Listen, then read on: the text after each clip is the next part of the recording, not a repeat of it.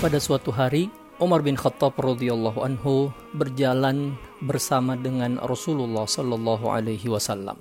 Di tengah perjalanan itu, Umar bin Khattab berkata kepada Nabi alaihi salatu wasallam, "Ya Rasulullah, la anta ahabbu ilayya min kulli syai'in illa min nafsi." Ya Rasul, Anda adalah orang yang paling aku cintai, melebihi segala sesuatu kecuali dari diriku sendiri. Rasulullah Shallallahu Alaihi Wasallam langsung mengoreksi perkataan sang sahabat, La ya Umar, hatta min nafsik. Tidak demikian wahai Umar, bahkan atas diri kamu sendiri. Sang sahabat yang mulia Umar bin Khattab radhiyallahu anhu berpikir sejenak tentang maksud ucapan Rasulullah Shallallahu alaihi wasallam ini bahkan atas dirinya sendiri lalu setelah ia paham bahwa Rasulullah Shallallahu alaihi wasallam mengarahkan agar cinta kepada Nabi Sallallahu Alaihi Wasallam itu diwujudkan dalam bentuk mendahulukan semua kepentingan-kepentingan Nabi dan kepentingan agama. Umar radhiyallahu anhu pun bilang, "Ya Rasulullah, la anta ahabbu ilayya min kulli syai'in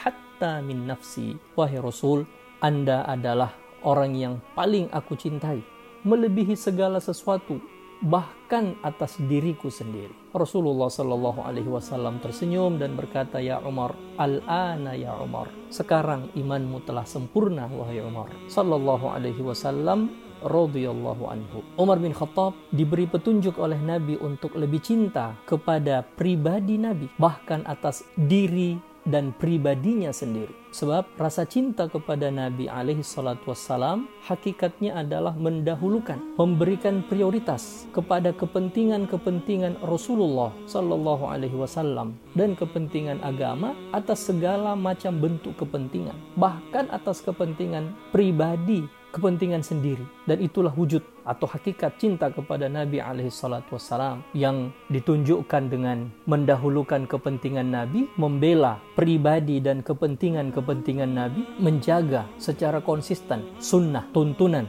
dan jalan yang telah ditunjukkan dan dilalui oleh Rasulullah Shallallahu Alaihi Wasallam di dalam kehidupan ini. Itulah hakikat cinta kepada Nabi, membela, mendahulukan, menjaga dan melindungi pribadi Nabi Shallallahu Alaihi Wasallam seperti yang ditunjukkan oleh para sahabat beliau radhiyallahu anhum dan kepentingan-kepentingan agama. Pada peristiwa perang Uhud, pada saat Rasulullah Shallallahu Alaihi Wasallam telah terdesak oleh pasukan kafir Quraisy, Nabi dilindungi oleh seorang sahabat yaitu Sa'ad bin Mu'az radhiyallahu anhu. Sang sahabat berdiri di depan Nabi dan berkata, "Nahri duna nahrika ya Rasulullah."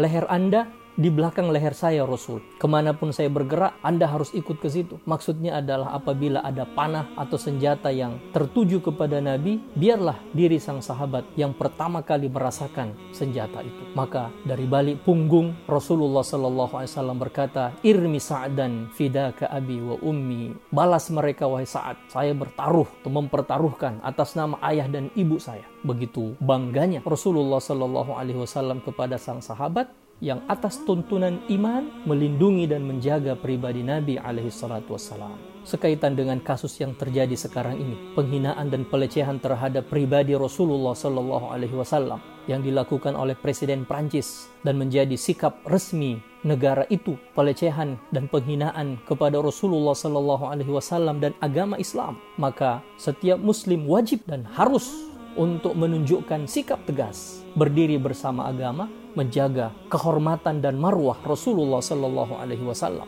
dan menunjukkan kepada kaum Islamofobia yang tidak suka melihat Islam, agama Islam, umat Islam ada di atas muka bumi ini. Tunjukkan kepada mereka bahwa Islam adalah agama damai, tetapi pada saat yang sama kedamaian itu bukan berarti kelemahan, tetapi kedamaian itu dibangun atas prinsip yang kuat dan sikap yang tegas terhadap segala macam tantangan dan serangan kepada agama ini. Seorang muslim dituntut untuk mengikuti arahan para ulama yang telah bersuara dan berfatwa tentang kasus dan peristiwa. Demikian juga dengan pemerintah kaum muslimin di negara mana pun. Kepada umat Islam telah diserukan untuk melakukan boykot ekonomi dan perdagangan tidak membeli barang-barang yang dihasilkan oleh negara tersebut demi untuk menunjukkan tekanan dan protes bahwa kami tidak rela dan tidak suka bahkan benci terhadap segala macam bentuk penistaan, penghinaan, dan penodaan agama. Apalagi agama kami yang dihina seperti itu. Tekanan itu semoga bisa berhasil sebab tentu saja akan membuat kerugian kepada negara itu. Dan yang kedua adalah tindakan diplomatik yang ditujukan kepada negara-negara Islam, pemerintah, umat Islam, panggil duta besar Prancis di negaranya untuk meminta penjelasan, kirimkan nota diplomatik protes keberatan terhadap Presiden Prancis dan sikap negaranya untuk penghinaan dan pelecehan Islam dan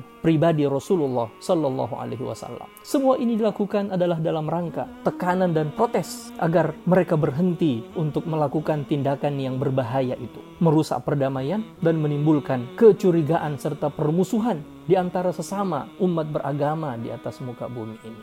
Sedangkan bagi setiap muslim, sikap itu adalah wujud keimanannya dan kecintaannya kepada Rasulullah Shallallahu Alaihi Wasallam. Setiap manusia atau setiap orang tidak ingin dan tidak mau dirinya, keluarganya, ibunya, ayahnya, siapa pun dari keluarganya yang dihina dan dinista atau dilecehkan, maka apalagi terhadap pribadi Rasulullah Shallallahu Alaihi Wasallam. Ini adalah bagian dari iman dan wujud hakikat cinta kepada Rasulullah Sallallahu Alaihi Wasallam. Semoga dengan itu semua Allah Subhanahu Wa Taala mewujudkan persatuan umat Islam dan menurunkan karamah, kemuliaan, izzah, kebanggaan di dalam diri setiap mukmin untuk tegak dan berkata ishadu bi anna muslimun. Ini saksikan kami adalah umat Islam dan kami adalah bagian dari kehidupan dunia internasional yang bertugas dan bersama-sama untuk menjaga keselamatan umat manusia dan perdamaian dunia bukan sebatas pepesan kosong dan bukan sebatas ungkapan tanpa arti. Kebebasan berekspresi, kebebasan berpikir yang diberikan kepada setiap manusia hendaknya dipergunakan dengan sebaik-baiknya bukan untuk merusak apa yang telah ada berupa kedamaian dan kebersamaan demi kemakmuran dunia ini. Semoga Allah Subhanahu wa taala membuka hati kita semua dan membuka hati setiap umat manusia untuk bersama-sama menjadi hamba Allah yang baik dalam kehidupan dunia ini untuk menjadi bekal agar bisa sampai kepada kehidupan akhirat yang lebih baik, lebih bahagia, dan lebih sejahtera